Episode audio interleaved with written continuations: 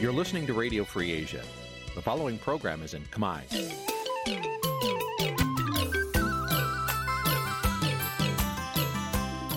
Nǐ chi càm bi tiệp xáy vệt chiu a zì sê ray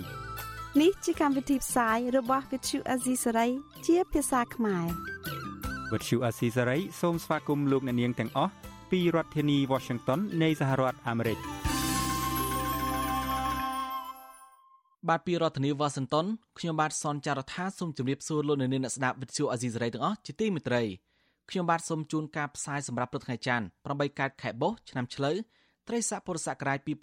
2565ដែលត្រូវនៅថ្ងៃទី10ខែមករាគ្រិស្តសករាជ2022បាទជាបន្តទៅនេះសូមអញ្ជើញលោកអ្នកនាងស្ដាប់ព័ត៌មានប្រចាំថ្ងៃដែលមានមេត្តាដូចតទៅ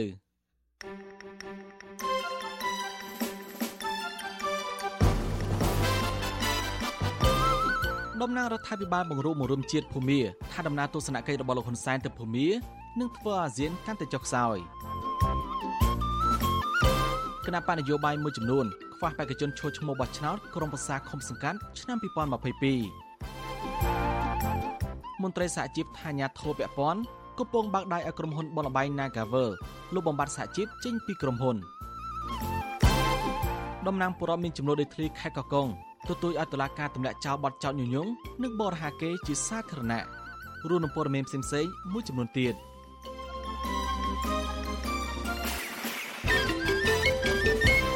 បាទជាបន្តទៅនេះខ្ញុំបាទសនចាររថាសូមជូនព័ត៌មានពិស្ដាដំណើររដ្ឋាភិបាលបង្រួបបង្រួមជាភូមាថាដំណើរទស្សនកិច្ចរបស់លោកហ៊ុនសែនទៅភូមាគឺបរាជ័យនិងធ្វើឲ្យអាស៊ានកាន់តែចុះខ្សោយតំណាងរូបនេះថាមានដំណំផ្ដាច់ការមិនយល់ពីបំណងប្រាថ្នារបស់បរិបភូមិនៅឡើយ ព្រោះអ្វីដែលបរិបភូមិទាំងអស់ទាមទារគឺប្រាថ្នាចង់បានបំផុតគឺការរស់នៅក្នុងប្រទេសមួយដែលមានការគោរពសិទ្ធិមនុស្សនិងលទ្ធិប្រជាធិបតេយ្យនិងឈប់រស់នៅក្រោមនឹមត្រួតត្រាផ្ដាច់ការរបស់ពលយោធាតទៅទៀតបាទពីរដ្ឋធានីវ៉ាស៊ីនតោនលោកមួនណារ៉េតរាយការណ៍ព័ត៌មាននេះតំណាងរដ្ឋាភិបាលបង្រួបបង្រួមជាតិភូមាថាលោកនាយករដ្ឋមន្ត្រីហ៊ុនសែនគ្មានសុឆន្ទៈនិងភាពស្មោះត្រង់នៅក្នុងការជួយរកដំណោះស្រាយនៃវិបត្តិនយោបាយពិតប្រាកដនៅប្រទេសភូមានោះឡើយ អគ្គរដ្ឋទូតក្រសួងការបរទេសអាស៊ាននៃរដ្ឋាភិបាលបង្រួបបង្រួមជាតិមីយ៉ាន់ម៉ាឬក៏ភូមាលោកបូឡាទីនប្រាប់វិទ្យុអាស៊ីសេរីកាលពីយប់ថ្ងៃទី9ខែមករាថាប្រជាប្រដ្ឋភូមាបានបោះឆ្នោតគាំទ្រគណៈបកប្រឆាំងភូមាគឺសម្ព័ន្ធជាតិដើម្បីប្រជាធិបតេយ្យដែលមានអ្នកស្រីអងសានស៊ូជីជាថ្នាក់ដឹកនាំដើម្បីឈ្នះឆ្នោតភ្លុកទឹកភ្លុកដីឲ្យដឹកនាំប្រទេសជៀសផុតពីរបបផ្ដាច់ការយោធា ក៏ប៉ុន្តែយោធាបែរជាបំផ្លាញឆន្ទៈនិងក្តីប្រាថ្នារបស់ប្រជាពលរដ្ឋភូមានិងចាប់មេដឹកនាំបកនេះនិងសកម្មជននិងប្រជាពលរដ្ឋជាង10000នាក់ដាក់គុកដើម្បីបំបិតមាត់កុំឲ្យក្រោកតវ៉ាមិនតែប៉ុណ្ណោះពួកយោធានេះបានកាប់សម្លាប់ប្រជាពលរដ្ឋស្លូតត្រង់ជាង1400នាក់ទៅហើយតាំងតែពីធ្វើរដ្ឋប្រហារដណ្ដើមអំណាចដោយខុសច្បាប់ កាលពីខែកុម្ភៈឆ្នាំ2021នោះមកលោកបូឡាទីនបន្ថែមថាតំណាងប្រជាពលរដ្ឋស៊ីវិលនឹងស្របច្បាប់ ដែលជាតំណាងឲ្យប្រជាពលរដ្ឋភូមិនៅទូទាំងប្រទេសបែរជាត្រូវលោកហ៊ុនសែនមើលរំលង ហើយបែរជាទៅចាប់ដៃមានដឹកនាំយោធារដ្ឋប្រហារខុសច្បាប់ទៅវិញលោកចោទជាសំណួរថានេះឬដែលថាលោកហ៊ុនសែនចង់រកដំណោះស្រាយនៅភូមា without recognizing the legitimate leadership of the people ពេលដែលលោកហ៊ុនសែនទៅចាប់ដៃជាមួយមេដឹកនាំរដ្ឋបហាយោធាលោកមីនអងលៀងដោយធ្វើមិនដឹងមិនលឺអំពីមេដឹកនាំស្របច្បាប់ដែលប្រជាពលរដ្ឋភូមាបានបោះឆ្នោតគ្រប់គ្រងឲ្យដូចជាអ្នកស្រីអងសាំងស៊ូជីជាដើមបែបនេះ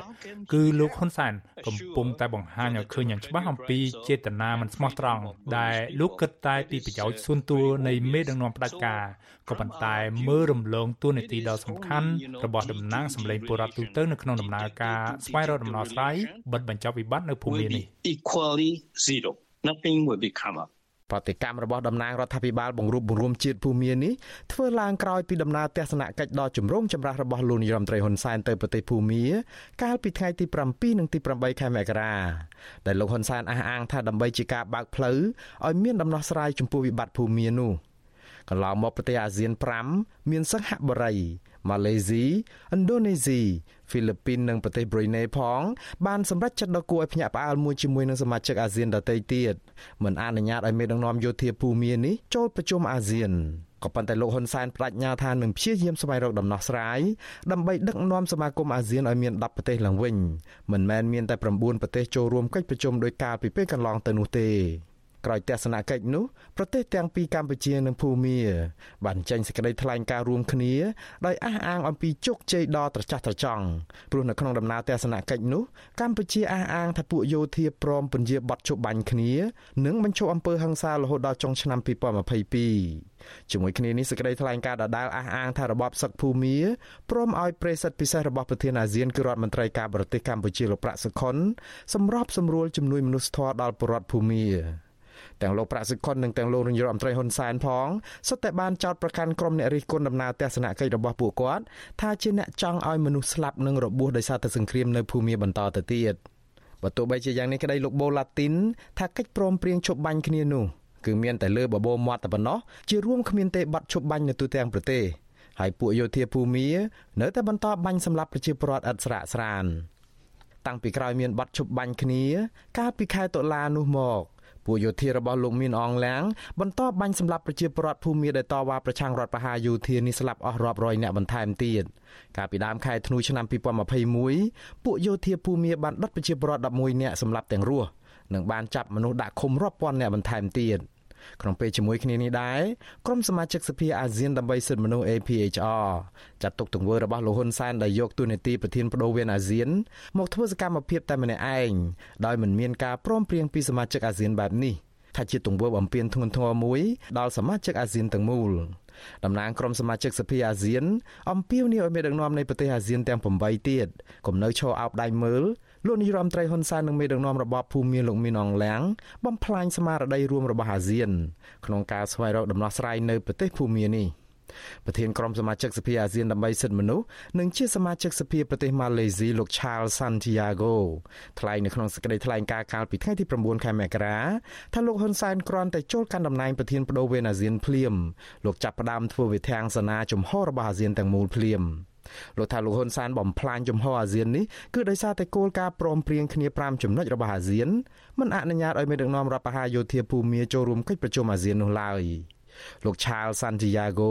ចាត់ទុកការអួតអាងរបស់រដ្ឋាភិបាលលោកហ៊ុនសែនពីជោគជ័យនៃដំណើរទស្សនកិច្ចទៅភូមានោះថាជាការប៉ុនប៉ងបំផន់ភ្នែកនិងបោកបន្លំមតិសាធារណជនដ៏គ្រោះថ្នាក់តែប៉ុណ្ណោះ ព្រោះតាមការពិតជំហររបស់លោកហ៊ុនសែនតែឯកឯងដោយគ្មានការគ្រប់គ្រងពីសមាជិកអាស៊ានដទៃបែបនេះធ្វើឲ្យជំហរសមរភាពរបស់អាស៊ានចុះខ្សោយខ្លាំងមួយរំពេច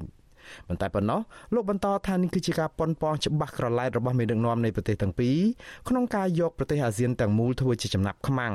ដើម្បីបំរើបំណងផ្ដាច់ការរបស់ខ្លួនដែលបំផ្លាញការតស៊ូរបស់ប្រជាពលរដ្ឋភូមិដែលប្រយុទ្ធទាមទារសិទ្ធិមនុស្សនិងប្រជាធិបតេយ្យមកវិញ លោក Charles Santiago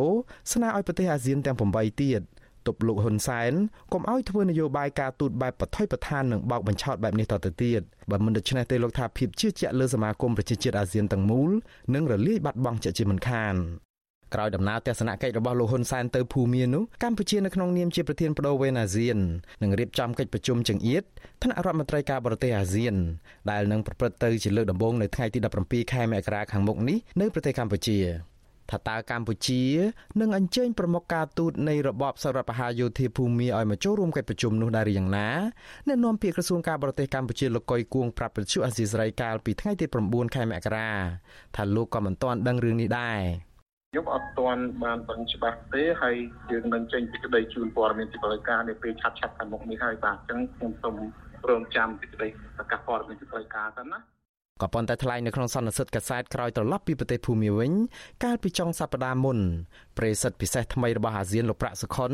ទំនងជាចង់បង្ហាញចំហថាកម្ពុជាអាចនឹងអញ្ជើញរដ្ឋមន្ត្រីការបរទេសនៃរបបសឹករដ្ឋបហាយោធាភូមាឲ្យចូលរួមកិច្ចប្រជុំចង្អៀតថ្នាក់រដ្ឋមន្ត្រីការបរទេសអាស៊ាននៅពេលខាងមុខនេះកន្លងមកបើទោះបីជាសមាជិកអាស៊ានជាច្រើនមិនស្វាគមន៍តំណាងរបបរដ្ឋបហាយោធាក៏ដោយក៏កម្ពុជាឈានមុខគេតាំងតែពីមិនទាន់ក្រងតំណែងជាប្រធានបដូវវេនអាស៊ានស្រួលបួលម្លេះ បានទទួលរដ្ឋមន្ត្រីការបរទេសរបបរដ្ឋបហាយោធាលោកវុនម៉ោងលីនមកទស្សនកិច្ចនៅកម្ពុជាកាលពីដើមខែធ្នូឆ្នាំ2021យ៉ាងពេញមុខពេញមាត់ក្រោយដំណើរទស្សនកិច្ចនោះទៀតសោតសារព័ត៌មាននៅក្នុងស្រុកស្និទ្ធនឹងរដ្ឋាភិបាលបានផ្សាយថាមេដឹកនាំរដ្ឋបហាយោធាភូមិលោកមីនងលៀងបានសុំលោកហ៊ុនសែនធ្វើជាបងប្អូនធរនឹងគ្នាទៀតផង ថ្មីថ្មីនេះនៅមុនដំណើរទស្សនកិច្ចរបស់លោកហ៊ុនសែនទៅប្រទេសភូមាប្រធានាធិបតីឥណ្ឌូនេស៊ីលោកជូកូវីដូដូបានព្រមានលោកហ៊ុនសែនរួចជាស្រេចទៅហើយថាឥណ្ឌូនេស៊ីនឹងមិនគាំទ្រឲ្យមានដឹកនាំរបបសង្ឃយោធាភូមាវិលមកចូលរួមកិច្ចប្រជុំកំពូលអាស៊ាននាពេលខាងមុខនោះឡើយ។តំណាងរដ្ឋាភិបាលបង្រួបរួមជាតិរបស់ភូមាលោកបូឡាទីនឯណោះលោកថាដំណោះស្រាយតែមួយគត់ ដើម្បីបញ្ចប់វិបត្តិនយោបាយនៅភូមាគឺត្រូវស្ដាប់សម្លេងប្រជាពលរដ្ឋភូមាដែលកំពុងតែធ្វើពលិកម្មដើម្បីលុបបំបាត់របបយោធាផ្ដាច់ការនិងស្ដារប្រទេសនេះឲ្យមានការគោរពសិទ្ធិមនុស្សនិងប្រជាធិបតេយ្យឡើងវិញលោកថានៅក្នុងន័យនេះគឺមានតែយន្តការអន្តរជាតិដែលមានអង្គការសហប្រជាជាតិចូលរួមផងតែប៉ុណ្ណោះទើបអាចជួយបានក៏ប៉ុន្តែកម្ពុជាផ្ដល់អំណះអំណាងថាវិបត្តិភូមានេះនៅមិនទាន់ឈានដល់កម្រិតអង្គការសហប្រជាជាតិត្រូវដោះស្រាយនៅឡើយទេខ្ញុំបាទមុងណារ៉េត With you Azisaray ប្រធានាទី Washington បានលោកនៅនាងជាទីមត្រីគណៈបញ្ញយោបាយមួយចំនួនមិនមានលទ្ធភាពរកបេក្ខជនដើម្បីធ្វើជាតំណាងនៅក្នុងការឈោះឈ្មោះបោះឆ្នោតក្រុមប្រឹក្សាឃុំសង្កាត់ឆ្នាំ2022ខាងមុខនេះទេអ្នកខ្លំមើលថាគណៈបកខ្លះគ្មានសកម្មភាពច្បាស់លាស់ដែលអាចតាក់ទាញពលរដ្ឋឲ្យឈរជាតំណាងបានចំណែកឯពលរដ្ឋខ្លះខ្លាចការគម្រិតកំហែងរបស់អាជ្ញាធរទើបមិនហ៊ានឈរឈ្មោះត្បិតតែកម្ពុជាមានគណៈបកនយោបាយស្របច្បាប់ច្រើនមែនតែគណៈបកនយោបាយមួយចំនួនគ្មានកម្លាំងគ្រប់គ្រាន់ ដើម្បីប្រគល់ប្រជែងជាមួយគណៈបកកណ្ដាលអំណាចនោះទេជាក់ស្ដែងគណៈបកខ្លះបានប្រកាសជាមុនថានឹងមិនអាចចូលរួមការបោះឆ្នោតក្រុមប្រឹក្សាឃុំសង្កាត់ឆ្នាំ2022បានទេដោយសារតែគ្មានលទ្ធភាពរកបេក្ខជនឈរឈ្មោះតាមឃុំសង្កាត់គណៈគណៈបកនយោបាយខ្លះទៀតមិនអាចរកបេក្ខជនដើម្បីឈរឈ្មោះបានគ្រប់ឃុំសង្កាត់បាននោះទេប្រធានគណៈបកធម្មមេធបតៃអ្នកស្រីពោធិតីសាវត្ថីបានប្រាវិទ្យាអាស៊ីសេរីថាការដែលគណៈបកនេះមិនអាចដាក់បេក្ខភាពឈរឈ្មោះជាតំណាងតាមឃុំសង្កាត់ ដោយសារគណៈបកមិនមានផែនការចូលរួមការបោះឆ្នោតថ្នាក់ក្រោមជាតិនោះទេបើទោះបីជាណាលោកស្រីថាគណៈបកធម្មមេធបតៃនឹងចូលរួមការបោះឆ្នោតថ្នាក់ជាតិនៅពេលខាងមុខគណៈបកធម្មេតតៃបានប្រជុំសម្រាប់ជាឯកច្ឆ័ន្ទមិនឈោទេដោយសារតែយើងរៀបប្រព័ន្ធថ្នាក់ក្រមជាតិនឹងអត់ទាន់ស្រួលណាចំណែកគណៈបកដែលទើបបង្កើតថ្មីដោយតែតមន្ត្រីគណៈបកប្រឆាំងលោកយ៉ែមពញ្ញរិនគឺគណៈបកកម្ពុជានិយមនឹងចូលរួមការបោះឆ្នោតក្រុមប្រឹក្សាឃុំសង្កាត់ តែមិនដាក់បេក្ខជនឈរឈ្មោះច្រើននោះទេមន្ត្រីផ្នែកកិច្ចការបោះឆ្នោតនៃគណៈបកកម្ពុជានិយមលោកយីសៃហាឲ្យដឹងថាតាមគម្រោងគណៈបកនឹងដាក់បេក្ខជនឈរឈ្មោះឲ្យបាន1ភាគ3នៃចំនួនឃុំសង្កាត់ទូទាំងប្រទេសជា1600ឃុំសង្កាត់លោកបញ្ជាក់ថាមូលហេតុដែលគណៈបកមិនអាចដាក់បេក្ខជនគ្រប់ឃុំសង្កាត់គឺបណ្ដាលមកពីគណៈបកនេះទើបតែបង្កើតថ្មីដូច្នេះភ្លាមភ្លាមគណៈបកកម្ពុជានិយមមិនអាចរកបេក្ខជនឈរឈ្មោះគ្រប់ឃុំសង្កាត់បាននោះទេ តែទោះបីជាយ៉ាងណាលោកថាថ្នាក់ដឹកនាំគណៈបកនេះកំពុងបង្កើនការចុះធ្វើសកម្មភាពតាមមូលដ្ឋានដើម្បីគីគោរពបេក្ខជនមកឈរឈ្មោះជាតំណាងគណៈបកនិយាយដោយស្មោះទៅគណៈបកកម្ពុជានិយមយើងទើបតែទទួលបានពលភាពមកដល់ថ្ងៃនេះទើបតែមួយខែលើសបន្តិចទេបងដល់ពេលអញ្ចឹងទេយើងមមាញឹកក្នុងការទៅចុះតាមបណ្ដាខេត្តមួយចំនួនថ្នាក់ដឹកនាំដើម្បីហៅថារៀបចំបេក្ខជននៅតាមគុំសង្កាត់នីមួយៗរីឯគណៈបកខ្លះទៀតដែលបានបង្កើតយូរឆ្នាំហើយក៏ដោយ ក៏មិនអាចដាក់បេក្ខជនឈរឈ្មោះប្រកួតប្រជែងយកតំណែងក្រុមប្រឹក្សានៅតាមឃុំសង្កាត់បាននោះទេអ្នកនាំពាក្យគណៈបកប្រជាធិបតេយ្យមូលដ្ឋានលោកលក្ខសធាប្រាប់ថាគណៈបកនេះមានយុទ្ធសាស្ត្រមួយគឺដាក់បេក្ខជនឈរឈ្មោះបានច្រើនបំផុតត្រឹមតែជា100ឃុំសង្កាត់តែប៉ុណ្ណោះដោយសារគណៈបកមិនមានថវិកាចំណាយច្រើនហើយគណៈបកមូលដ្ឋានចង់ពង្រឹងឃុំសង្កាត់ដែលបានឈរឈ្មោះនោះឲ្យមានគុណភាពខ្ពស់ ហើយម្យ៉ាងទៀតយុទ្ធសាស្ត្ររបស់យើង125នឹងជាយុទ្ធសាស្ត្រកសាងឃុំគំរូយើងចង់មានឃុំគំរូក្នុងការដឹកនាំលទ្ធិប្រជាធិបតេយ្យនៅតាមមូលដ្ឋានគំរូក្នុងការដឹកនាំលុបបំបាត់ការរើសអើងអីអញ្ចឹងអ្វីត្បិតតែតូចប៉ុន្តែយើងកំណត់យកគុណភាពតែម្ដងមន្ត្រីសង្គមស៊ីវិលខ្លំមើលការបោះឆ្នោតនៅកម្ពុជាសម្ដែងការសោកស្ដាយចំពោះគណៈបញ្ញយោបាយដែលគ្មានលទ្ធភាពដាក់បេក្ខជនឈរឈ្មោះតាមឃុំសង្កាត់បានអ្នកសម្របសម្រួលនឹងតស៊ូមតិនៃអង្គការ Conference លោកកនស្វាង ពន្យល់ថាបេក្ខជនចូលឈ្មោះប្រជែងយកតំណែងក្រុមប្រឹក្សាឃុំសង្កាត់មានសារៈសំខាន់ណាស់សម្រាប់បម្រើប្រជាពលរដ្ឋក្នុងមូលដ្ឋាននិងការផ្សព្វផ្សាយឲ្យប្រជាពលរដ្ឋក្នុងមូលដ្ឋានបន្តគ្រប់គ្រងគណៈបករបស់ខ្លួននៅក្នុងការបោះឆ្នោតថ្នាក់ជាតិលោកកនសវាងសង្កេតឃើញថាបញ្ហានៃការដាក់បេក្ខជនឈរឈ្មោះតាមឃុំសង្កាត់កន្លងមកបណ្ដាលមកពីកត្តាគោលនយោបាយនិងសកម្មភាពគណៈបកនយោបាយមួយចំនួនមិនច្បាស់លាស់ដែលធ្វើឲ្យប្រជាពលរដ្ឋមិនជឿទុកចិត្តនិងកត្តាអាញាធរឃុំសង្កាត់ខ្លះបំផិតបំភ័យឬក៏គំរាមប្រជាពលរដ្ឋ រួមមានការតាមដានសកម្មភាពការនិយាយបំភ័យសមាជិកគ្រួសារក្នុងការចូលរួមជាមួយគណៈបណ្ឌនយោបាយផ្សេងដែលនាំឲ្យពួកគេមិនហ៊ានចូលឈ្មោះបោះឆ្នោតក្រុមប្រឹក្សាឃុំសង្កាត់កណាមានការចូលរួមពីអ្នកនៅមូលដ្ឋានវារឹតតែជាការប្រសើរមួយទៀតដើម្បីបង្ហាញអំពីគោលនយោបាយការបង្ហាញអំពីសកម្មភាពហើយនិងស្នាដៃរបស់គណៈបកខ្លួននៅក្នុងមូលដ្ឋានដើម្បីឲ្យជាពលរដ្ឋទាំងមានការគ្រប់គ្រង ការបោះឆ្នោតក្រុមប្រឹក្សាឃុំសង្កាត់អាណត្តិទី5នឹងធ្វើឡើងនៅថ្ងៃអាទិត្យសប្តាហ៍ទី1នៃខែមិថុនាឆ្នាំ2022គណៈបកនយោបាយទាំងអស់នឹងត្រូវបញ្ជូនឈ្មោះបេក្ខជនឈរឈ្មោះនៅតាមឃុំសង្កាត់ឲ្យទៅគណៈកម្មាធិការជាតិរៀបចំការបោះឆ្នោតកោចបោនៅត្រឹមខែមីនានេះកន្លងមកមានគណៈបកនយោបាយ3ប៉ុណ្ណោះដែលធ្លាប់មានលទ្ធភាពដាក់បេក្ខជនឈួរឈ្មោះគ្រប់ឃុំសង្កាត់ទូទាំងប្រទេសគឺមានគណៈបកប្រជាជនកម្ពុជាគណៈបកហ្វុនសំពេញនិងគណៈបកសង្គ្រោះជាតិក៏ប៉ុន្តែគណៈបកសង្គ្រោះជាតិ ត្រូវបានតឡាការកម្ពុជារំលាយចោលតាមការចង់បានរបស់លោកនាយរដ្ឋមន្ត្រីហ៊ុនសែនបន្ទាប់ពីគណៈបកប្រឆាំងនៅមេតពលមីនេះបានដណ្ដើមអាសនៈក្រុមប្រឹក្សាឃុំសង្កាត់ជាង5000អាសនៈកាលពីឆ្នាំ2017ហើយមានលទ្ធភាពនៅក្នុងការឆ្នះឆ្នោតថ្នាក់ជាតិដឹកនាំរដ្ឋាភិបាលប្រធានគណៈបកភ្លើងទៀនលោកថៃសិដ្ឋាធ្លាប់បញ្ជាក់ថាប្រសិនបើបរិយាកាសដំណើរការបោះឆ្នោតមានភាពល្អប្រសើរហើយមិនមានការគំរាមកំហែងឬការគៀបសង្កត់ការសម្ដែងមតិទេគណៈបកប្រឆាំងមួយនេះ មានគម្រោងដាក់បេក្ខភាពចូលឈ្មោះបោះឆ្នោតក្រុមប្រឹក្សាឃុំសង្កាត់ឆ្នាំ2022នៅគ្រប់ឃុំសង្កាត់ទូទាំងប្រទេស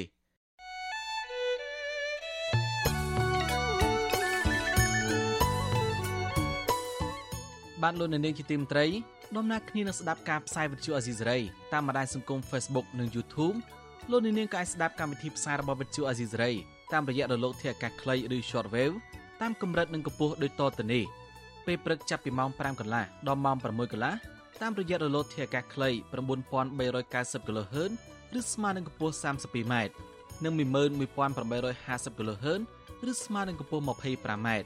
ពេលយប់ចាប់ពីម៉ោង7កន្លះដល់ម៉ោង8កន្លះតាមរយៈរលកធាតុអាកាសខ្លី9390 kHz ឬស្មើនឹងកម្ពស់ 32m និង15155 kHz ឬស្មើនឹងកម្ពស់ 20m បាទសូមអរគុណ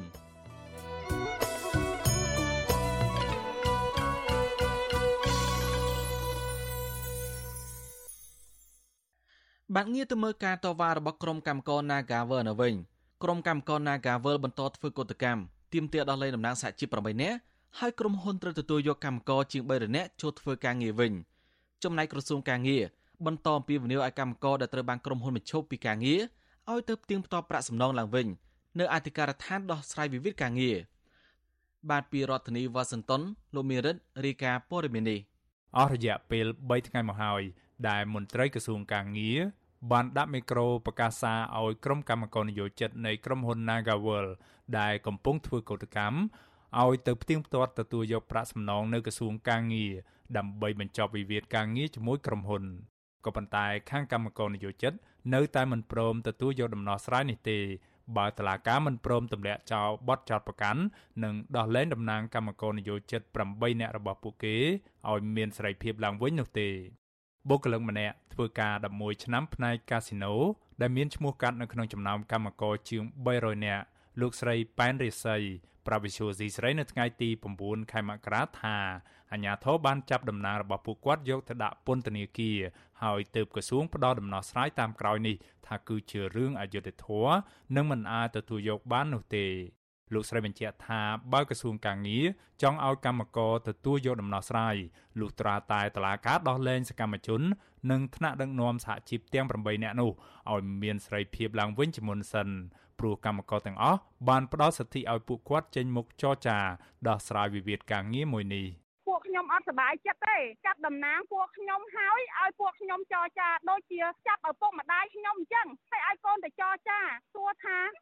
បុគ្គលិកមួយមួយនៅក្នុងនេះគឺមានបញ្ហាហើយគាត់ធ្វើអញ្ចឹងដាក់ពួកខ្ញុំចុងក្រោយនេះខ្ញុំសូមស្នើសុំខាងក្រសួងការងារសូមលោកដោះលែងប្រធានតំណាងពួកខ្ញុំចេញមកវិញមកបើមិនដោះលែងទេពួកខ្ញុំអត់ទៅចរចាទេតមានតំណាងពួកខ្ញុំមិនពួកខ្ញុំទៅចរចាបានវិសុវអ៊ីស្រាអ៊ីមិនអាចសុំការឆ្លើយតបជុំវិញរឿងនេះពីអ្នកនាំពាក្យក្រសួងកាងារ លោកហេងសួរបាននៅឡើយទេ នៅថ្ងៃទី9ខែមករាដោយទូរស័ព្ទហៅចូលតែពុំមានអ្នកទទួលតើតើនៅរឿងនេះប្រធានសហព័ន្ធសហជីពកម្ពុជា អ្នកស្រីយ៉ាងសុភ័ណ្ឌ មានប្រសាសន៍ថាប្រសិនបើក្រសួងកាងារពិតជាមានឆន្ទៈពិតប្រាកដនៅក្នុងការដោះស្រាយវិវាទការងារនេះដោយអនុវត្តត្រឹមត្រូវតាមច្បាប់ស្តីពីការងារមែននោះនោះនឹងមិនមានការធ្វើកោតកម្មពីសំណាក់ក្រុមកម្មករនោះទេហើយក៏គ្មានការចាប់ខ្លួនតំណាងសហជីពទាំង8នាក់យកទៅឃុំខ្លួននៅពន្ធនាគារនោះដែរ អ្នកស្រីយល់ឃើញថាដើម្បីដោះស្រាយបញ្ចប់វិវាទការងារនេះលុះត្រាតែតឡាការទម្លាក់ចោលការចោទប្រកាន់ទាំងអស់និងដោះលែងតំណាងសហជីពទាំង8នាក់ឲ្យមានសេរីភាពឡើងវិញហើយបើកផ្លូវឲ្យពួកគាត់ចូលតុចរចាជាមួយក្រុមហ៊ុន ដែលមានការសម្របសម្រួលពីក្រសួងកាងារ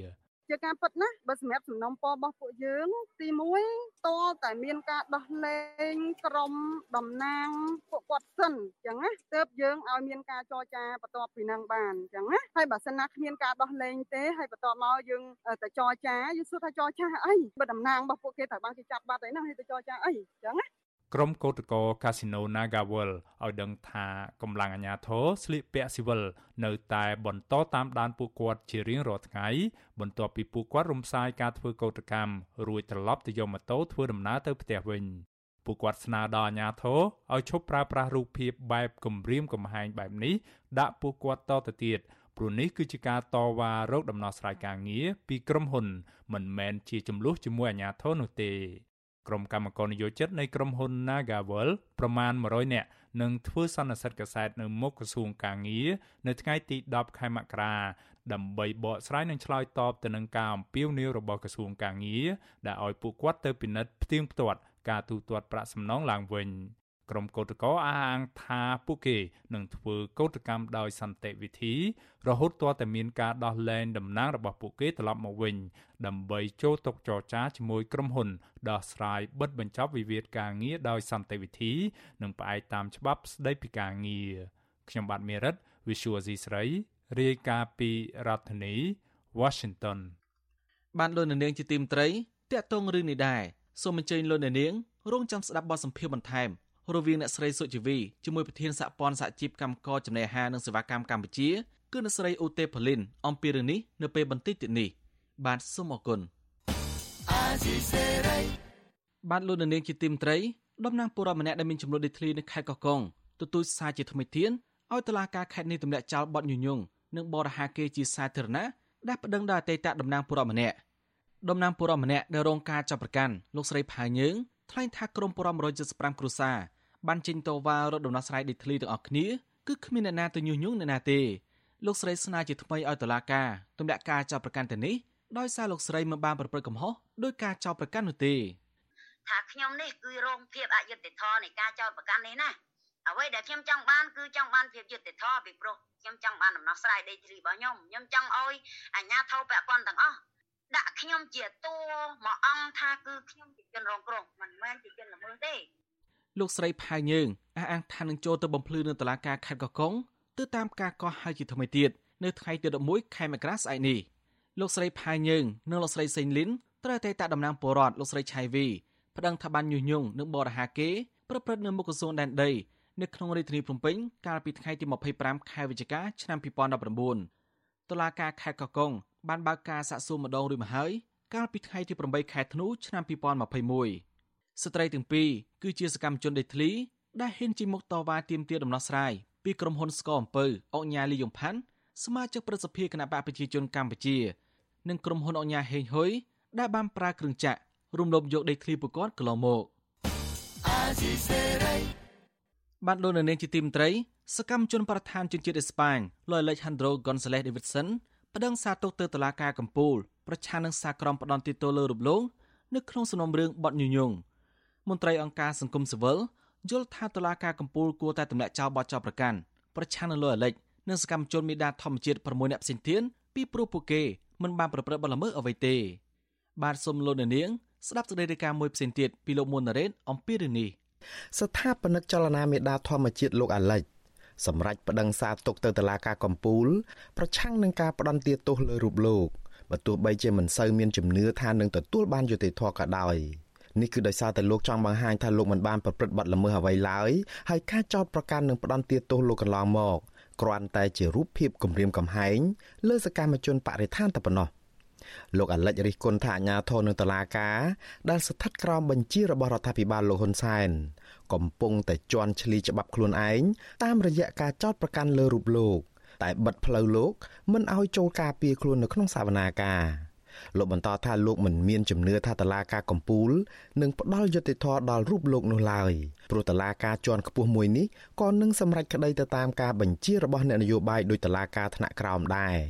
ក៏ប៉ុន្តែលោកថាការតតាំងក្តីដល់ទីបញ្ចប់នេះគឺដើម្បីបង្ហាញឲ្យប្រជាពលរដ្ឋខ្មែរឃើញកាន់តែច្បាស់ ថាតឡាការកម្ពុជាមិនអាចក្រិចនឹងបំពេញការងារដោយមិនត្រឹមត្រូវ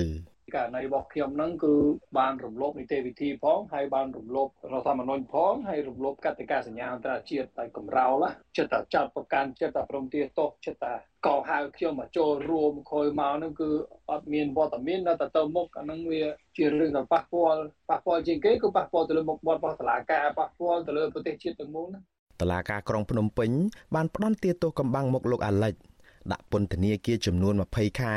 ពីបទសំគំនិតនៅក្នុងអំពើញុះញង់នៅក្នុងសំណុំរឿងជាមួយសកម្មជនមេដាធម្មជាតិចំនួន3នាក់ទៀតរួមមានលោកថនរដ្ឋាកញ្ញាឡុងគុនធាននិងកញ្ញាភួនកែវរស្មីសាលាធរភ្នំពេញបានដំកល់សាលក្រមផ្ដន្ទាទោសនេះកាលពីខែវិច្ឆិកាឆ្នាំ2021 មេធាវីការពារក្តីឲ្យលោកអាលិចគឺលោកសំចម្រើនប្រាវិទ្យុអាស៊ីសេរីនៅថ្ងៃទី9ខែមករាថាលោកបានដាក់បណ្ដឹងសារទុកនេះរួចទៅហើយកាលពីពេលថ្មីៗនេះនិងកំពុងត្រៀមសារណាការពារក្តីទៅតុលាការកំពូលបន្ថែមទៀតលោកបញ្ជាក់ថាកន្លងមកកូនក្តីរបស់លោកខាតបង់ប្រយោជន៍ផ្លូវច្បាប់មួយយ៉ាងសំខាន់គឺសិទ្ធិទទួលបានការជំនុំជម្រះដោយយុត្តិធម៌ពីព្រោះតែដំណើរការក្តីនៅតុលាការក្រុងភ្នំពេញនិងសាលាធរធ្វើឡើងដោយកំបាំងមុខ សាវនាការដែលត្រឹមត្រូវយុទ្ធធរគេមិនងាយអនុវត្តដោយកម្បាំងមុខទេលុះត្រាតែអស់ជំរឹះហើយនឹងថាมันអាចចូលមកបានដោយហេតុផលសុខភាពឬហេតុផលចាំបាច់លើលោកណាមួយនឹងមកគេអនុវត្តអនុទីកម្បាំងមុខបើសិនជាជនចោតនៅតែមានឆន្ទៈចង់ចូលរួមតឡាការជាទូទៅគឺត្រូវផ្ដល់សិទ្ធិនឹងឲ្យជនចោតចូលរួមសារការដោយផ្ទាល់ដើម្បីគាត់អាចឆ្លើយដោះសារអាចតតាំងជាមួយសាកសីដាក់បន្ទុកគាត់អាចធ្វើសំណុំពរចុងក្រោយអីផ្សេងៗជាដើមណា អាញាធរកម្ពុជាបានបណ្ដេញលោកអាលិចចេញពីកម្ពុជាកាលពីឆ្នាំ2015និងបានដាក់លោកនៅក្នុងបញ្ជីខ្មៅនៃជនបរទេសដែលត្រូវហាមឃាត់មិនឲ្យចូលទឹកដីកម្ពុជាលោកបានស្វះស្វែងជាច្រើនលើកនៅក្នុងការស្នើសុំទិដ្ឋាការវិលមកកម្ពុជាវិញ ជាពិសេសការត្រឡប់មកតតាំងក្តីនៅតុលាការក៏ប៉ុន្តែត្រូវបានបដិសេធឬមិនឆ្លើយតបពីសំណាក់អាជ្ញាធរកម្ពុជាឡើយតកតងទៅនឹងការបន្តហាមឃាត់លោកអាលិចមិនឲ្យវិលចូលកម្ពុជាវិញនេះ ប្រធានអង្គភិបអ្នកណែនាំពាក្យរដ្ឋាភិបាលលោកផៃស៊ីផានថ្លែងថាលោកមិនបានដឹងរឿងនេះទេហើយលោកបង្វែរឲ្យទៅសួរអគ្គនាយកដ្ឋានអន្តោប្រវេសន៍វិញវិទ្យុអាស៊ីសេរីបានតាក់ទងទៅអគ្គនាយករងនិងជាអ្នកនាំពាក្យអគ្គនាយកដ្ឋានអន្តោប្រវេសន៍នៃក្រសួងមហាផ្ទៃលោកកែវវ៉ាន់ថនក៏ប៉ុន្តែទូរស័ព្ទចូលពុំមានអ្នកទទួលនៅថ្ងៃទី9ខែមករាក្រៅពីត្រូវបានផ្ដន្ទាទោសនៅក្នុងបទចោទសំគំនិតនៅក្នុងអំពើញុះញង់នេះហើយលោកអាលិចក៏ជាប់ចោទពីបទរួមគំនិតក្បត់ និងប្រមាថព្រះមហាក្សត្រមួយទៀតដែរដែលសំណុំរឿងនេះកំពុងស្ថិតនៅក្នុងដំណាក់កាលចក្រមស៊ើបសួរតុលាការក្រុងភ្នំពេញអ្នកនាំពាក្យសមាគមការពារសិទ្ធិមនុស្សអាត់ហុកលោកសឹងសានករណាថ្លែងថាការបិទផ្លូវជនជាប់ចោតមិនឲ្យចូលតតាំងក្តីនៅក្នុងតុលាការគឺជាការរំលោភសិទ្ធិទទួលបានការជំនុំជម្រះក្តីដោយយុត្តិធម៌របស់ជនជាប់ចោត លោកស្នើដល់អាជ្ញាធរកម្ពុជាបើកផ្លូវឲ្យលោកអាលិចវិលមកកម្ពុជាវិញដើម្បីតតាំងក្តីនៅក្នុងតុលាការនិងបន្តសកម្មភាពការពារបរិស្ថានរបស់លោកវិញការផ្ដល់យុតិធធក្នុងរឿងនេះគឺទម្លាក់នៅការចោទប្រកាន់ហើយផ្ដល់លទ្ធភាពឲ្យលោកអលិចក៏បានមកបំពេញបេសកកម្មការងារនៅក្នុងប្រទេសកម្ពុជាយើងដើម្បីការពារព្រៃឈើបរិស្ថាននិងធនធានធម្មជាតិដែលកម្ពុជាយើងកំពុងតែសេសសល់ចុងក្រោយនឹងឯង លោកសឹងសានករណីបញ្ជាក់បន្ថែមថាក្រុមអង្គការសង្គមស៊ីវិលនៅតែរក្សាជំហរទាមទារឲ្យអាជ្ញាធរនិងតុលាការទម្លាក់ចោលបទចោទប្រកាន់ទាំងឡាយប្រឆាំងនឹងសកម្មជនបរិស្ថាន6នាក់ទៀតរួមមានកញ្ញាឡុងគុន្ធាកញ្ញាភួនកែវរស្មីកញ្ញាសុនរដ្ឋាលោកយឹមលៀងហ៊ីលោកថនរដ្ឋានិងយុវជនលីច័ន្ទរាវុធពីព្រោះពួកគេមិនបានប្រព្រឹត្តបទល្មើសអ្វីនោះឡើយផ្ទុយទៅវិញសកម្មភាពរបស់ពួកគេកន្លងមកគឺជាការអនុវត្តសិទ្ធិសេរីភាពស្របតាមច្បាប់ និងជាការចូលរួមការពារបរិស្ថាននិងធនធានធម្មជាតិដែលជាទ្រព្យសម្បត្តិសាធារណៈរបស់រដ្ឋទៅវិញទេខ្ញុំបាទមុងណារ៉េត With you Azizi Saray ប្រធានាទី Washington បានលោកនាងជាទីមន្ត្រីមន្ត្រីគណៈបកប្រឆាំងនឹងបរដ្ឋឬក៏មន្ត្រីស្ថានទូតខ្មែរប្រចាំប្រទេសម៉ាឡេស៊ីថាប្រើទីតាំងស្ថានទូតដែលតំណាងឲ្យប្រទេសជៀនដើម្បីប្រពខួប7មករាដែលបំរើផលប្រយោជន៍នយោបាយឲ្យគណៈបកកណ្ដាលអំណាចមន្ត្រីអង្គការសង្គមស៊ីវិលចាត់ទុកថាការយកធនធានរបស់រដ្ឋ ទៅបំរើឲ្យគណៈបកនយោបាយគឺជាអំពើខុសច្បាប់និងប៉ះពាល់ដល់ប្រយោជន៍ពលរដ្ឋជាពិសេសដំណើរការប្រគល់ប្រជែងដោយសេរីនិងស្មើភាពគ្នា បាទពីរដ្ឋធានីវ៉ាស៊ីនតោនអ្នកស្រីសុជីវីរាយការណ៍ព័ត៌មាននេះមន្ត្រីគណៈបកប្រឆាំងនិងពលរដ្ឋខកចិត្តចំពោះមន្ត្រីស្ថានទូតខ្មែរប្រចាំទីក្រុងកូឡាឡាំពួរនៃប្រទេសម៉ាឡេស៊ីដែលបានយកស្ថានទូតជាទីតាំងរបស់ជាតិទៅធ្វើសកម្មភាពនយោបាយរៀបចំកម្មវិធីរំលឹកខួប7មករា របស់គណៈបកប្រជាជនកម្ពុជាបប្រធានគណៈកម្មការប្រតិបត្តិគណៈបកសង្គ្រោះជាតិរាជធានីភ្នំពេញលោកមនផល្លាដែលកំពុងភៀសខ្លួននៅប្រទេសម៉ាឡេស៊ីថ្លែងប្រាប់វិទ្យុអាស៊ីសេរីកាលពីថ្ងៃទី9ខែមករាថា លោកសោស្ដាយចំពោះមន្ត្រីគណៈបកប្រជាជនកម្ពុជា ដែលបានប្រើទីតាំងស្ថានទូតប្រចាំនៅប្រទេសម៉ាឡេស៊ីដែលសម្រាប់ផ្ដល់សេវាជូនពលរដ្ឋខ្មែរនិងទំនាក់ទំនងកិច្ចការបរទេសនោះ យកទៅបម្រើផលប្រយោជន៍នយោបាយរបស់ខ្លួន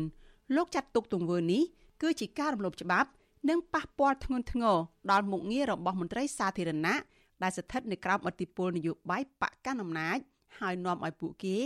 មិនអាចបំពេញតួនាទីភារកិច្ចតំណាងពលរដ្ឋឲ្យបានត្រឹមត្រូវតាមច្បាប់យកស្ថានទូតទីតាំងស្ថានទូតធ្វើជាកន្លែងរົບពិធីរំលឹកខួប នៃបុណ្យ7មករានោះដែលជាបុណ្យឈ្លានពានប្រទេសកម្ពុជា វាជារឿងខុសច្បាប់ហើយវាមិនបំរើឲ្យអន្តៈរបស់ប្រទេសជាតិហើយទៅទៅវិញវាទៅជាយកស្ថានទូតដែលតំណាងឲ្យជាតិតំណាងឲ្យរដ្ឋទៅជាកន្លែងគណៈបកនយោបាយធ្វើការទៅវិញតែដូច្នេះហើយវាជាកំហុសមួយយ៉ាងធ្ងន់ធ្ងរហើយมันអាចទទួលយកបានទេបាទចំណែកកម្មករសំណង់ធ្វើការនៅរដ្ឋសេឡាង័រនៃប្រទេសម៉ាឡេស៊ីលោកវិតដាវីប្រាប់ថា លោកមិនពេញចិត្តឡើយពេលឃើញស្ថានទូតខ្មែរនៅទីក្រុងកូឡាឡាំពួរคล้ายទៅជាទីកន្លែងសម្រាប់ផ្សព្វផ្សាយនិងរៀបចំកិច្ចប្រជុំរបស់គណៈបកនយោបាយលោកយល់ថាសកម្មភាពទាំងនេះអាចនឹងជះឥទ្ធិពលដល់ការបំពេញមុខងាររបស់មន្ត្រីជូនពលរដ្ឋដោយសារតែពួកគេបែងចែកមិនដាច់រវាងរឿងនយោបាយនិងទួនាទីតំណាងឲ្យពលរដ្ឋកម្មកររូបនេះថាអ្វីដែលលោកហួសចិត្តនោះគឺកន្លងមកមន្ត្រីស្ថានទូតតែងតែចុះទៅពង្រឹងគណៈ បកប្រជាជនកម្ពុជាប៉ុន្តែកិច្ចអន្តរាគមចំពោះបរដ្ឋវិញ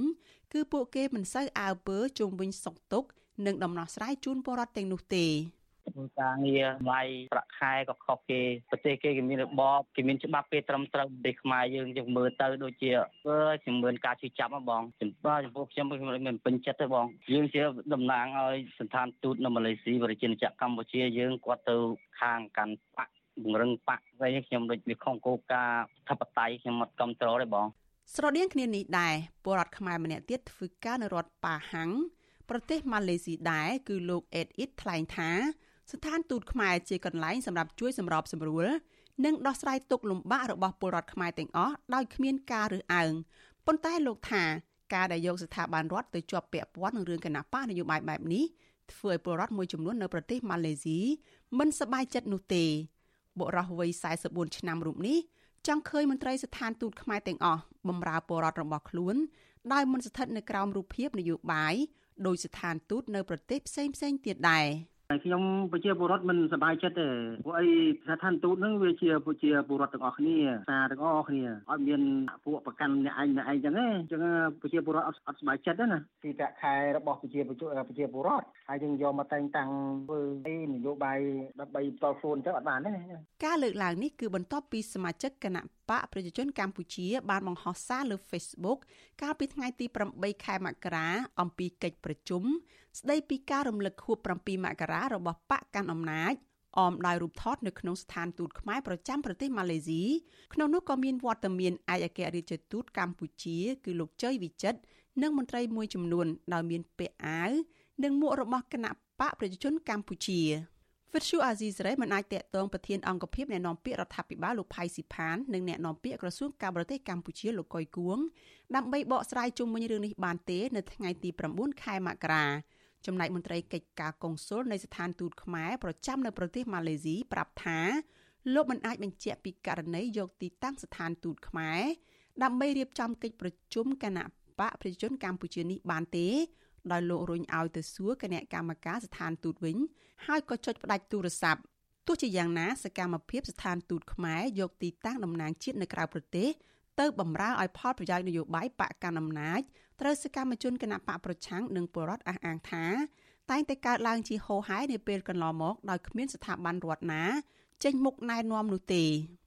ជុំវិញរឿងនេះមន្ត្រីសម្របសម្រួលផ្នែកអង្គការរបស់អង្គការឃ្លាំមើលការបោះឆ្នោត Confrel លោកកនស្វាងមានប្រសាសន៍ថាតាមច្បាប់ការយកធនធានរបស់រដ្ឋទៅបម្រើឲ្យផលប្រយោជន៍របស់គណៈបកនយោបាយគឺជាអំពើខុសច្បាប់ លើសពីនេះលោកថាមន្ត្រីសាធារណៈដែលរំលោភច្បាប់យកទីតាំងរបស់ជាតិទៅបម្រើសម្រាប់គណៈបករបស់ខ្លួន បង្កើតនូវភាពអយុត្តិធម៌ដល់គណៈបកនយោបាយដទៃទៀតជាពិសេសនិងជះឥទ្ធិពលទៅដល់ដំណើរការការប្រកួតប្រជែងដោយត្រឹមត្រូវនិងស្មារភាពលោកកនស្វាងមើលឃើញថាកន្លងមកការប្រើប្រាស់ស្ថាប័នរដ្ឋនិងធនធានរបស់រដ្ឋទៅគ្រប់គ្រងឬធ្វើសកម្មភាពនយោបាយភាគច្រើនកើតចេញពីគណៈបកកាន់អំណាច។ តទៅនឹងច្បាប់បោះឆ្នោតច្បាប់គណៈបកយោបាយសហលក្ខន្តិកៈមន្ត្រីរាជការច្បាប់អប់រំច្បាប់សហលក្ខន្តិកៈមន្ត្រីរាជការស៊ីវិលអីជាដើមអញ្ចឹងណាគឺក៏ច្បាប់តទៅនិយាយពីសហលក្ខន្តិកៈកងយុទ្ធពលខេមរៈភូមិន្ទអីជាដើមអានឹងសិតតែគេមានការចែងមានការនិយាយហើយគេជៀសវាងការប្រើប្រាស់ទាំងទូនាទីទាំងសកម្មភាពរួមទាំងបោះដែលជាធនធានរបស់រដ្ឋនឹងថែមទៀតផងអញ្ចឹងករណីនេះគឺมันមានអ្វីដែលសង្ស័យគឺវាប្រើប្រាស់មិនត្រឹមត្រូវហើយវាខុសពីច្បាប់ដែលបានចែងហើយបាទ មាត្រា35នៃរដ្ឋធម្មនុញ្ញចែងថា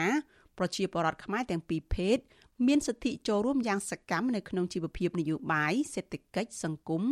និងវប្បធម៌របស់ប្រទេសជាតិប៉ុន្តែច្បាប់បោះឆ្នោតបានហាមឃាត់មិនឲ្យមន្ត្រីសាធារណៈប្រើប្រាស់តួនាទីរបស់រដ្ឋដើម្បីកេងចំណេញផលប្រយោជន៍របស់គណៈបកខ្លួននោះឡើយមាត្រា80នៃច្បាប់បោះឆ្នោតជ្រើសតាំងតំណាងរាស្ត្របានហាមប្រើប្រាស់ថវិកាសម្ភារៈ មធ្យោបាយដឹកជញ្ជូនដែលជាសម្បត្តិរដ្ឋដើម្បីធ្វើសកម្មភាពឃោសនាបោះឆ្នោតឲ្យគណៈបកនយោបាយណាមួយឬបេក្ខជនណាម្នាក់ឡើយមន្ត្រីសង្គមស៊ីវិលនិងពលរដ្ឋបញ្ជាក់ថាការយកធនធានរបស់ជាតិទៅទ្រទ្រង់ដល់សកម្មភាពនយោបាយជាបន្តបន្ទាប់និងប៉ះពាល់ដល់ការអនុវត្តទួនាទីភារកិច្ចរបស់មន្ត្រីសាធារណៈក្នុងក្របខ័ណ្ឌរបស់ខ្លួនដោយសារពួកគេស្ថិតក្រោមឥទ្ធិពលគណៈបកកាន់អំណាចដែលធ្វើឲ្យមន្ត្រីទាំងនោះ មិនអាចបំពេញកិច្ចការដោយឯករាជ្យនិងស្របតាមច្បាប់បានទេនាងខ្ញុំសុជីវីវិទ្យុអាស៊ីសេរីពីរដ្ឋធានី Washington បានងាកទៅមើលស្ថានភាពឆ្លងរាលដាល COVID-19 វិញម្ដងកម្ពុជារកឃើញអ្នកឆ្លង COVID-19 បំផ្លាញខ្លួនថ្មីអូមីក្រុងចំនួន30នាក់បន្ថែមទៀតក្នុងនោះនាំចូលពីក្រៅប្រទេសចំនួន29ករណីនិងឆ្លងក្នុងសហគមន៍ចំនួន1ករណីចំណែកឯអ្នកស្លាប់វិញក្រសួងអះអាងថាពុំមានទេគណៈអ្នកជាសះស្បើយមានចំនួន11នាក់ ក្រសួងសុខាភិបាលឲ្យដឹងថាមេរោគបំផ្លាញថ្មីអូមីក្រុងឆ្លងក្នុងសហគមន៍ជាលើដំបូងនេះគឺកើតលើបុរសខ្មែរអាយុ23ឆ្នាំនៅរាជធានីភ្នំពេញបុរសនោះបានទៅកំដរអ្នកជំងឺដែលជាបងប្អូនជីដូនមួយនៅមន្ទីរពេទ្យមួយនៅរាជធានីភ្នំពេញហើយមន្ទីរពេទ្យនោះបានយកវត្ថុសំណាករបស់គាត់ទៅពិនិត្យនៅមន្ទីរពិសោធន៍ឃើញវិជ្ជមានអូមីក្រុងក្រោយតេស្តវិជ្ជមានក្រសួងបានបញ្ជូនបុរសនោះឲ្យដាក់សម្រាប់ព្យាបាលនៅមជ្ឈមណ្ឌលព្យាបាលអូឡ িম্প ិកក្រសួងអះអាងថាបុរសនោះបានធ្វើដំណើរជាច្រើនកន្លែង នៅរាជធានីភ្នំពេញខេត្តកំពង់ធំសៀមរាបនិងខេត្តកំពតបុរសនេះបានធ្វើដំណើរជាមួយបងប្អូនជីដូនមួយពីប្រទេសអូស្ត្រាលីមករាជធានីភ្នំពេញកាលពីថ្ងៃទី27ខែធ្នូឆ្នាំ2021លុះដល់ថ្ងៃទី5ខែមករាបុរសនេះត្រូវបានរកឃើញថាមាន COVID-19 ប្រភេទអូមីក្រុង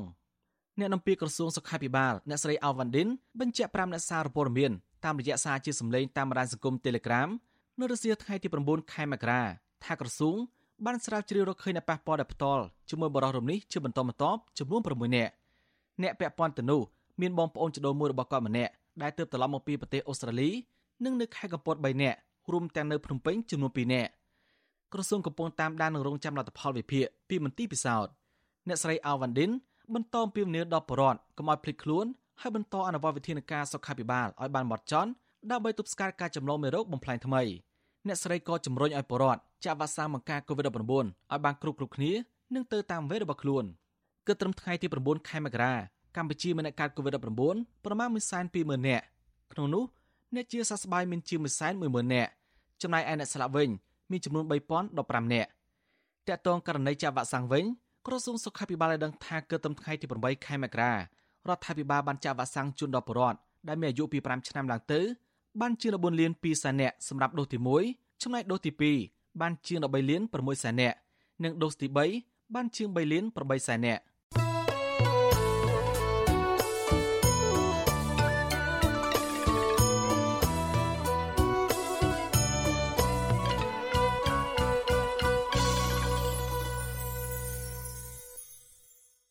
បានលោកនាងជាទីមន្ត្រីក្រុមហ៊ុនលក់ទំនិញរីអ៊ីអនរបស់ជប៉ុនក្រុមបង្កើតមជ្ឈមណ្ឌល Logistics ដ៏ធំមួយ នៅតំបន់សេដ្ឋកិច្ចពិសេសជាកំពង់ផែកំពង់សោមភៀកខាងត្បូងលើផ្ទៃដីទំហំប្រមាណ30000ម៉ែត្រក្រឡាក្រុមហ៊ុននេះនឹងចាប់ផ្ដើមធ្វើអាជីវកម្មផ្ដល់សេវាកម្មឃ្លាំងផ្ទុកទំនិញនាំចូលរត់ការនិងគ្រប់គ្រងដល់ការទូទាត់ពន្ធគយសម្រាប់ទំនិញលក់រាយអនឡាញឆ្លងប្រទេសនៅឆ្នាំ2023ខាងមុខនេះបើយោងតាមអត្ថបទផ្សាយរបស់កាសែតអនឡាញ Nikkei Asia Review របស់ជប៉ុន កាលពីថ្ងៃទី8ខែមករាក្រុមហ៊ុននេះ គឺជាបទសម្ព័ន្ធរបស់ក្រុមហ៊ុនផ្សារទំនើប Aeon Mall របស់ជប៉ុនដែលកំពុងប្រតិបត្តិការនៅកម្ពុជា សារព័ត៌មានដដែលនេះឲ្យដឹងដែរថានេះជាផ្នែកមួយនៃកិច្ចព្រមព្រៀងភាពជាដៃគូសេដ្ឋកិច្ចគ្រប់ជ្រុងជ្រោយតំបន់ហៅកាត់ថាអាស៊ឹមដែលទើបនឹងចូលជាធរមានរវាងតំបន់អាស៊ាន10ប្រទេសជាមួយនឹងប្រទេសចិនជប៉ុនកូរ៉េខាងត្បូងអូស្ត្រាលី និងនូវែលសេឡង់កម្ពុជាមានផែនការអភិវឌ្ឍផ្នែកមួយនៃតំបន់សេដ្ឋកិច្ចពិសេសរបស់ខ្លួនឲ្យក្លាយជាកំពង់ផែពាណិជ្ជកម្មសេរីដោយមានកិច្ចគ្រប់គ្រងពីរដ្ឋាភិបាលជប៉ុន និងភ្នាក់ងារជប៉ុនសម្រាប់កិច្ចសហប្រតិបត្តិការអន្តរជាតិហៅកាត់ថាចៃកាសារព័ត៌មានជប៉ុន Nikkei Asia Review ឲ្យដឹងថាមជ្ឈមណ្ឌល Logistics នេះនឹងក្លាយជាឃ្លាំងស្តុកទំនិញនាំចូលមិនតាន់បង់ពន្ធរួចជាលើដំបូងមួយនៅកម្ពុជាដែលនឹងអនុញ្ញាតឲ្យក្រុមហ៊ុននាំចូលអាចរក្សាទុកទំនិញរបស់ខ្លួននៅក្រៅប្រទេសដោយពុំចាំបាច់បង់ពន្ធនៅមុនពេលដែលពួកគេចាប់ផ្ដើមរកការនីតិវិធីពន្ធគយបន្តការនាំចូលរបស់កម្ពុជាបានកើនឡើងរហូតដល់ជិត20,000លានដុល្លារ នៅឆ្នាំ2020ហើយត្រូវបានរំពឹងថានឹងបន្តកើនឡើងនៅក្រៅកិច្ចព្រមព្រៀងពាណិជ្ជកម្មសេរីអាស៊ឹមដែលបានចូលជាធរមានចាប់តាំងពីថ្ងៃទី1ខែមករាឆ្នាំ2022ក៏ប៉ុន្តែការសិក្សាស្រាវជ្រាវរបស់មន្ត្រីជំនាញផ្នែកពាណិជ្ជកម្មរបស់អង្គការសហប្រជាជាតិកាលពីឆ្នាំ2021រកឃើញថាកម្ពុជាអាចខាត់បង់ចំណូលពន្ធពាណិជ្ជកម្មប្រមាណ700លានដុល្លារក្នុងមួយឆ្នាំមួយឆ្នាំហើយជញ្ជីងពាណិជ្ជកម្មរបស់កម្ពុជាអាចធ្លាក់ចុះ ឬមានអនុភាពរហូតដល់ទៅជាងដក2000លានដុល្លារក្នុងមួយឆ្នាំមួយឆ្នាំក្រោយកិច្ចព្រមព្រៀងអាស៊ាននេះចូលជាធរមាន។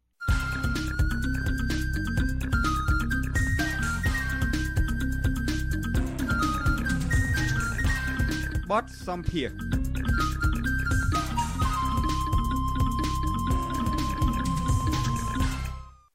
បានលោកនាងជាទីមត្រី តើតូនទៅនឹងការបន្តធ្វើកោតកម្មឲ្យដោះលែងតំណាងសហជីពបុគ្គលិកក្រុមហ៊ុនបនលបៃ Nagavel ចំនួន8នាក់នេះ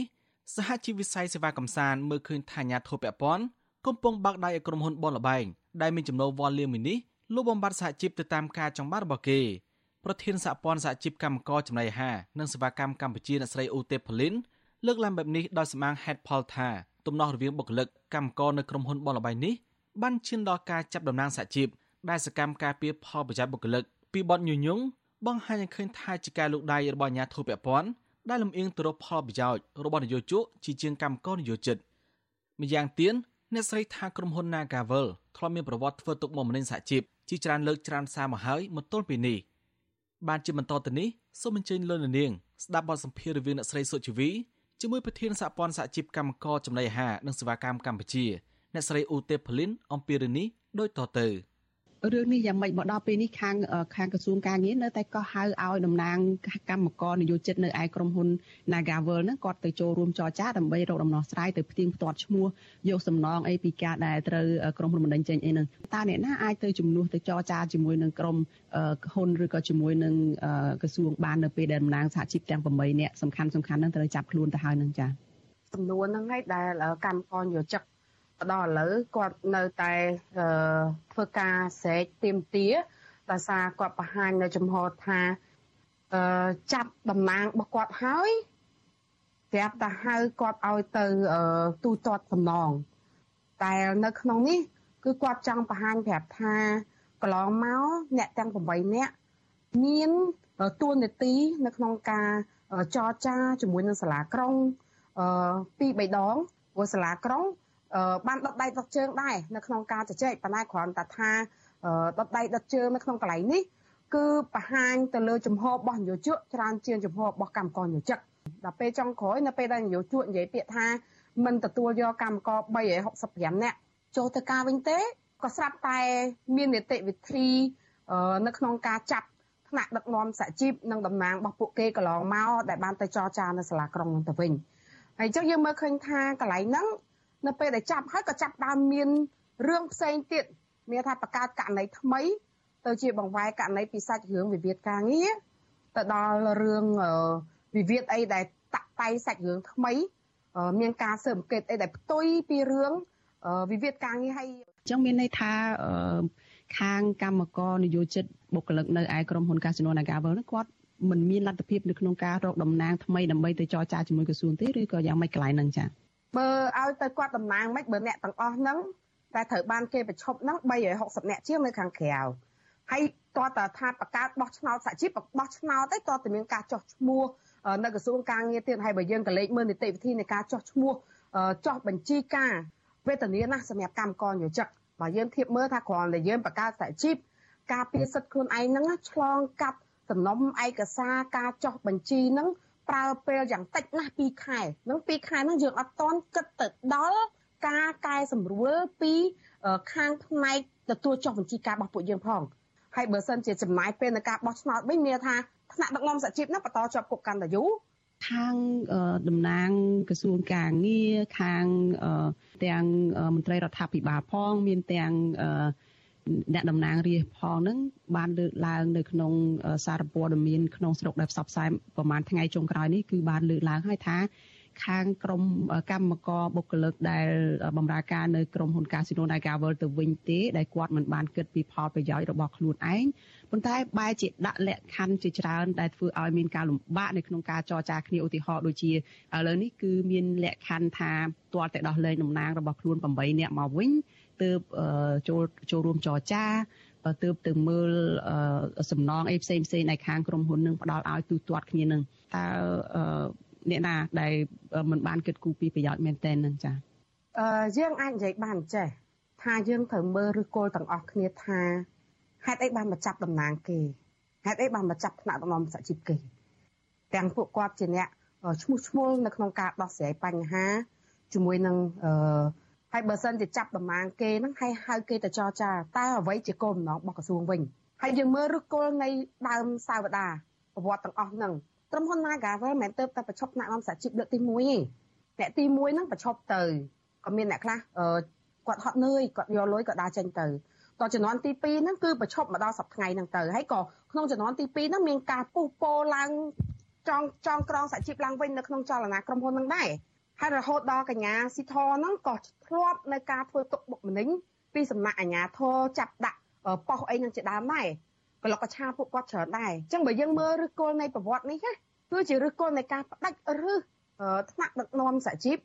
ផ្ដាច់ឫសមិនឲ្យមានតំណាងកម្មករយោជិកនៅក្នុងក្រុមហ៊ុនហើយចេតនារបស់កម្មករយោជិកដោយសារគាត់ការពារនៅប្រយោជន៍របស់កម្មករយោជិកនឹងឯង បានជាគាត់តម្រូវឲ្យមានសហជីពនៅក្នុងក្រុមហ៊ុនព្រោះចេតនារបស់ក្រុមហ៊ុន Naga មិនមែនជាការទូទាត់សំណងទេគឺជាការរំលាយរំលើងនៅតំណាងសហជីពនៅក្នុងក្រុមហ៊ុននឹងតែម្ដងលែងមានវត្តមានសហជីពនៅក្នុងក្រុមហ៊ុននឹងតែម្ដងប៉ុន្តែតកតងទៅនឹងក្រុមហ៊ុន Casino Naga World នេះមានការចោទប្រកាន់ថា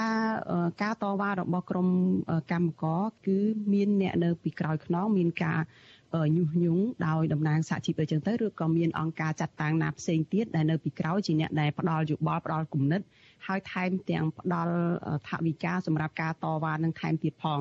មានការបកស្រាយយ៉ាងម៉េចចាស់ Pauline កន្លែងហ្នឹងខ្ញុំចង់បញ្ជាក់ប្រាប់អញ្ចឹងថាអ្នកនៅពីក្រោយខ្នងរបស់សហជីពគឺកម្មករ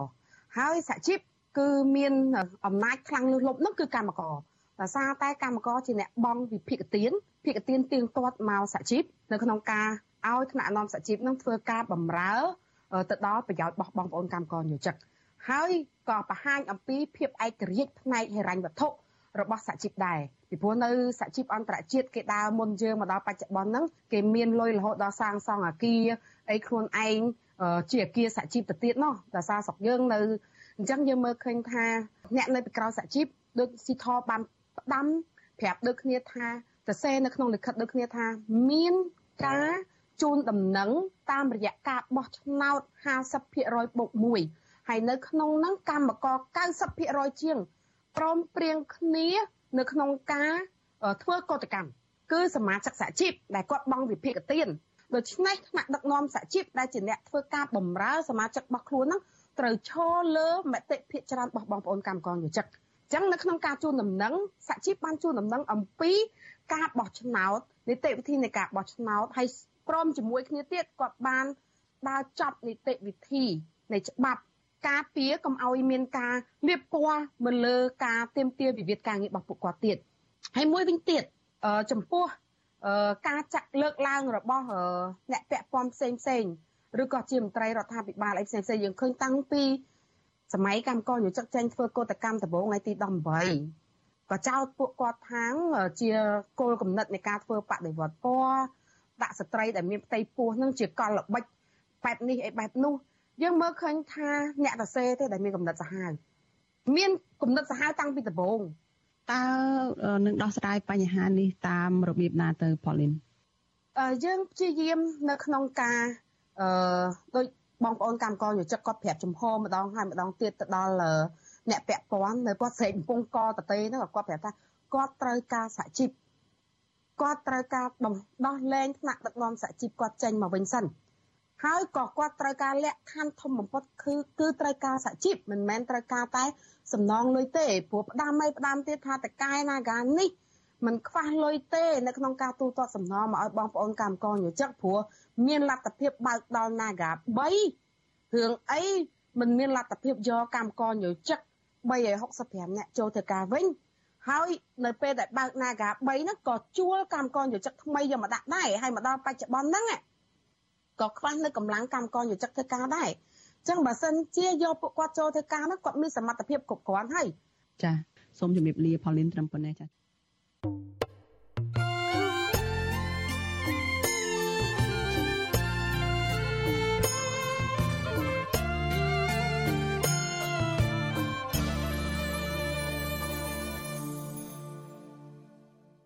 បានលោកនាងជាទីមត្រីអង្គការ UNICEF អះអាងថារបបអាហាររបស់កុមារកម្ពុជាមិនត្រឹមតែគ្មានភាពល្អប្រសើរនោះទេនៅទសវត្សរ៍ចុងក្រោយនេះក៏ប៉ុន្តែកាន់តែមានភាពដុនដាបថែមទៀតក្នុងបរិបទ COVID-19 តើកុមារដែលមិនបានទទួលរបបអាហារចិញ្ចឹមគ្រប់គ្រាន់នឹងរងផលពិបាកអ្វីខ្លះដល់សុខភាពបាទពីរដ្ឋធានីវ៉ាស៊ីនតោនអ្នកស្រីម៉ៅសុធីនីរាយការណ៍ជូនពុស្ដាអំពីរឿងនេះ បញ្ហាកង្វះអាហារូបត្ថម្ភរបស់កុមារនាំឲ្យប៉ះពាល់យ៉ាងខ្លាំងដល់ការលូតលាស់ទាំងរូបកាយនិងបញ្ញាស្មារតីរបស់កុមារក្រុមវិជ្ជបណ្ឌិតជំនាញកុមារឲ្យដឹងថាកុមារអាយុក្រោម5ឆ្នាំ ដែលមិនទទួលបានរបបអាហារឬក៏សារធាតុចិញ្ចឹមគ្រប់គ្រាន់បណ្ដាលឲ្យពួកគេក្រិនរូបរាងកាយមិនលូតលាស់ស្គមស្គាំងស្លេកស្លាំងនិងមានប្រព័ន្ធការពារខ្លួនខ្សោយជាដើម ចាបញ្ហាទាំងនេះគឺជាមូលហេតុដែលនាំឲ្យកុមារឧស្សាហ៍ឈឺ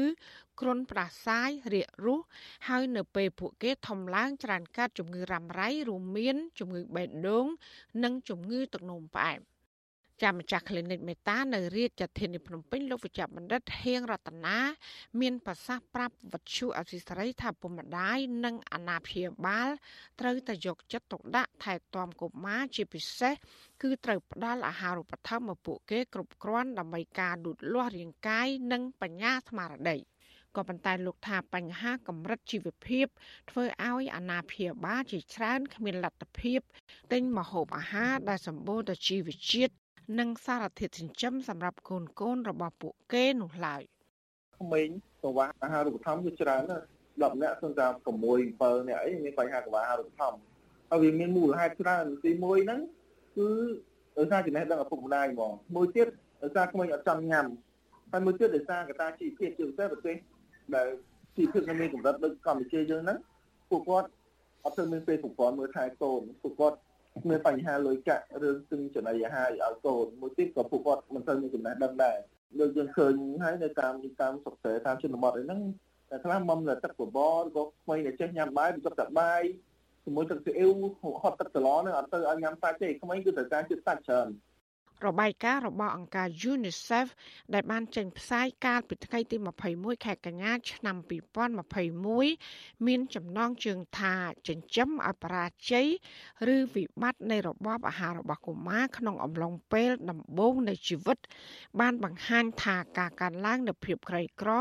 គ្រោះមហន្តរាយដោយសារអាកាសធាតុ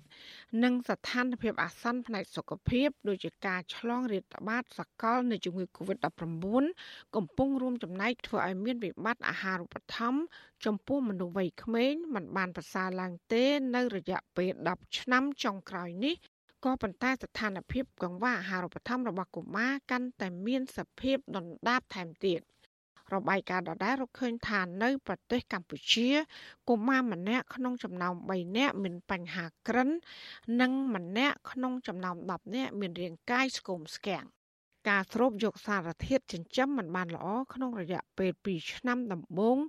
នៃជីវិតរបស់កុមារគឺធ្វើឲ្យអន្តរាយដោយមិនអាចស្រោចស្រង់បានដល់រាងកាយនិងខួរក្បាល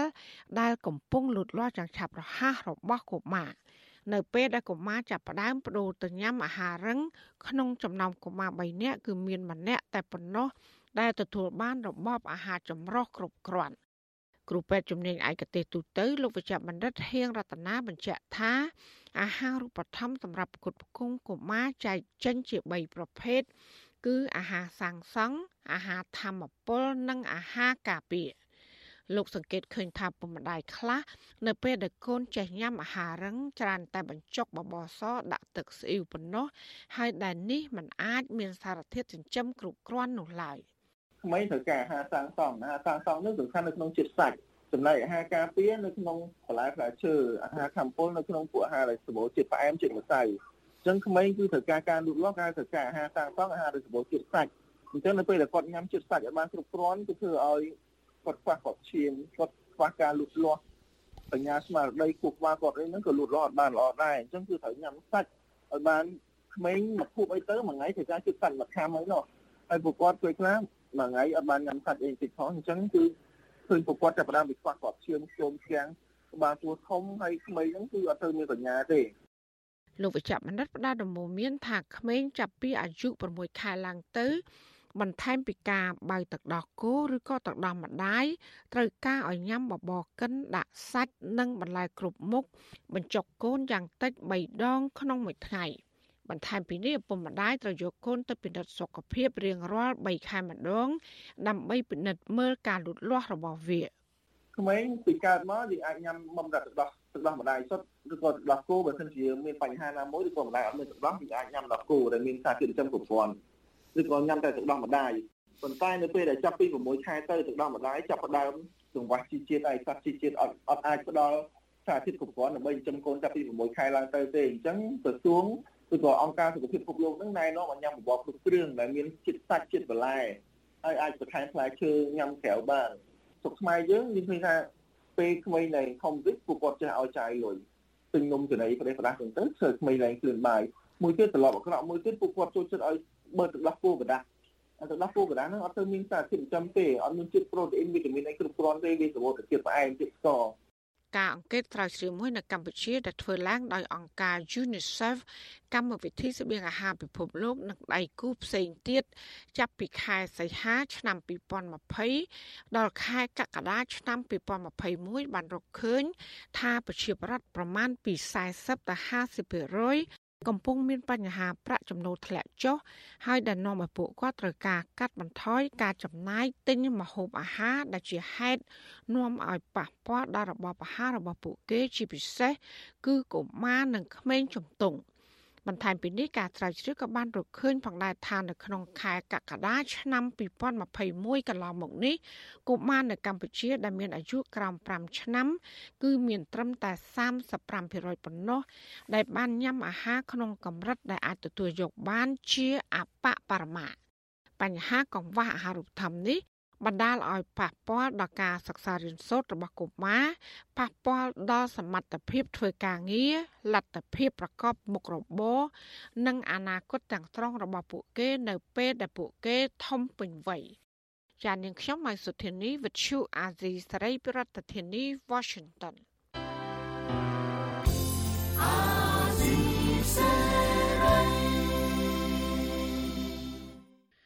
បាទលោកនៅនាងកញ្ញាអ្នកស្ដាប់វិទ្យុអាស៊ីសេរីជាទីមេត្រី